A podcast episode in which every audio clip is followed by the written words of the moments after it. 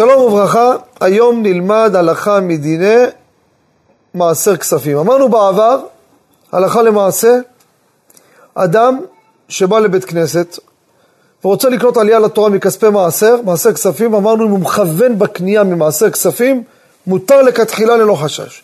אם הוא לא התכוון, אחרי שקנה רוצה לשלם מכספי מעשר, זה אסור.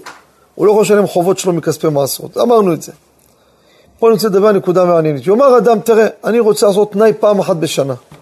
ערב ראש שנה אני מודיע, רבותיי, כל השנה הבאה עלינו לטובה, כל העליות שאני אקנה בבית הכנסת, פתיחת ההיכל, הרמת ספר תורה, עלייה לתורה, הפטרה, לא משנה, אני מודיע מעכשיו, הכל יהיה מכספי מעשר. האם מועיל או צריך בכל רגע שהוא קונה לחשוב על זה?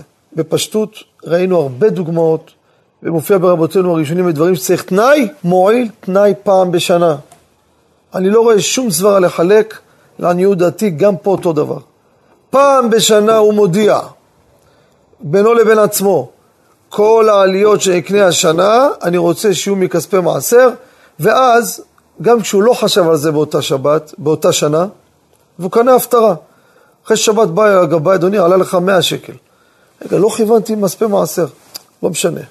אתה גילית את דעתך בתחילת השנה. כל מה שאני אקנה השנה, יהיה מספר מעשר כספים. התנאי הזה מועיל לכל השנה, ופתרת את הבעיה. תודה רבה וכל טוב.